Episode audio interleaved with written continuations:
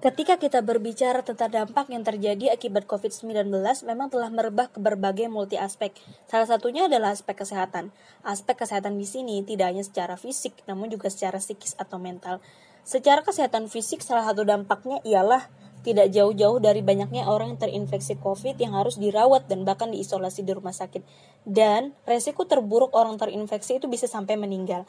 Secara aspek kesehatan saja, ini tentunya akan menjadi masalah yang berkembang menjadi masalah-masalah lain. Contohnya, mengharuskan banyak IGD ditutup karena dikhawatirkan akan menjadi pusat penyebaran overkapasitas di beberapa rumah sakit, kurangnya lahan pemakaman, dan bahkan tenaga medis banyak yang gugur karena terinfeksi COVID.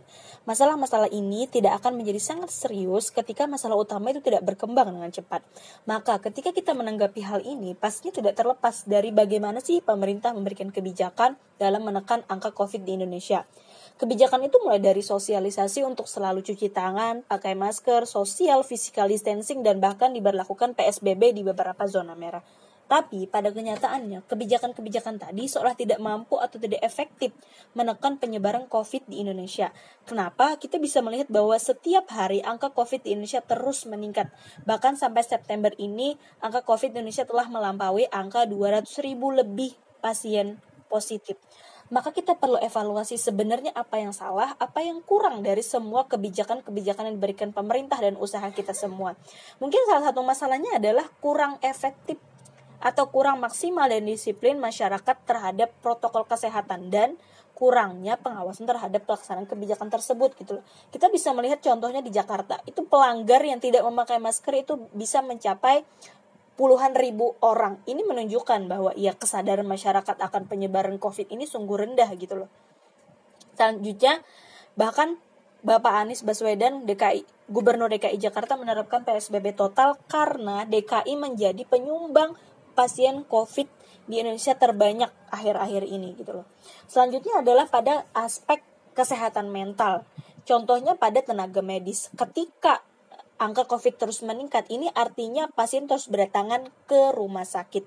Ini akan membuat mereka tentunya memiliki pekerjaan yang banyak yang dapat memberikan mereka suatu kelelahan lah istilahnya dan memberikan suatu ketakutan dan kekhawatiran kepada mereka akan resiko infeksi mereka sangat tinggi gitu loh bahkan sampai diskriminasi mereka tidak diterima di tempat tinggal mereka sendiri tentunya ini berdampak pada kesehatan mental para medis mereka adalah pahlawan garda terdepan maka mereka juga perlu dijaga gitu loh bahkan bisa saja mereka tuh bisa menderita depresi dan bahkan kinerja mereka menurun gitu loh selain itu juga kita menyadari bahwa semenjak covid seluruh tatanan mobilitas masyarakat itu telah benar-benar berubah.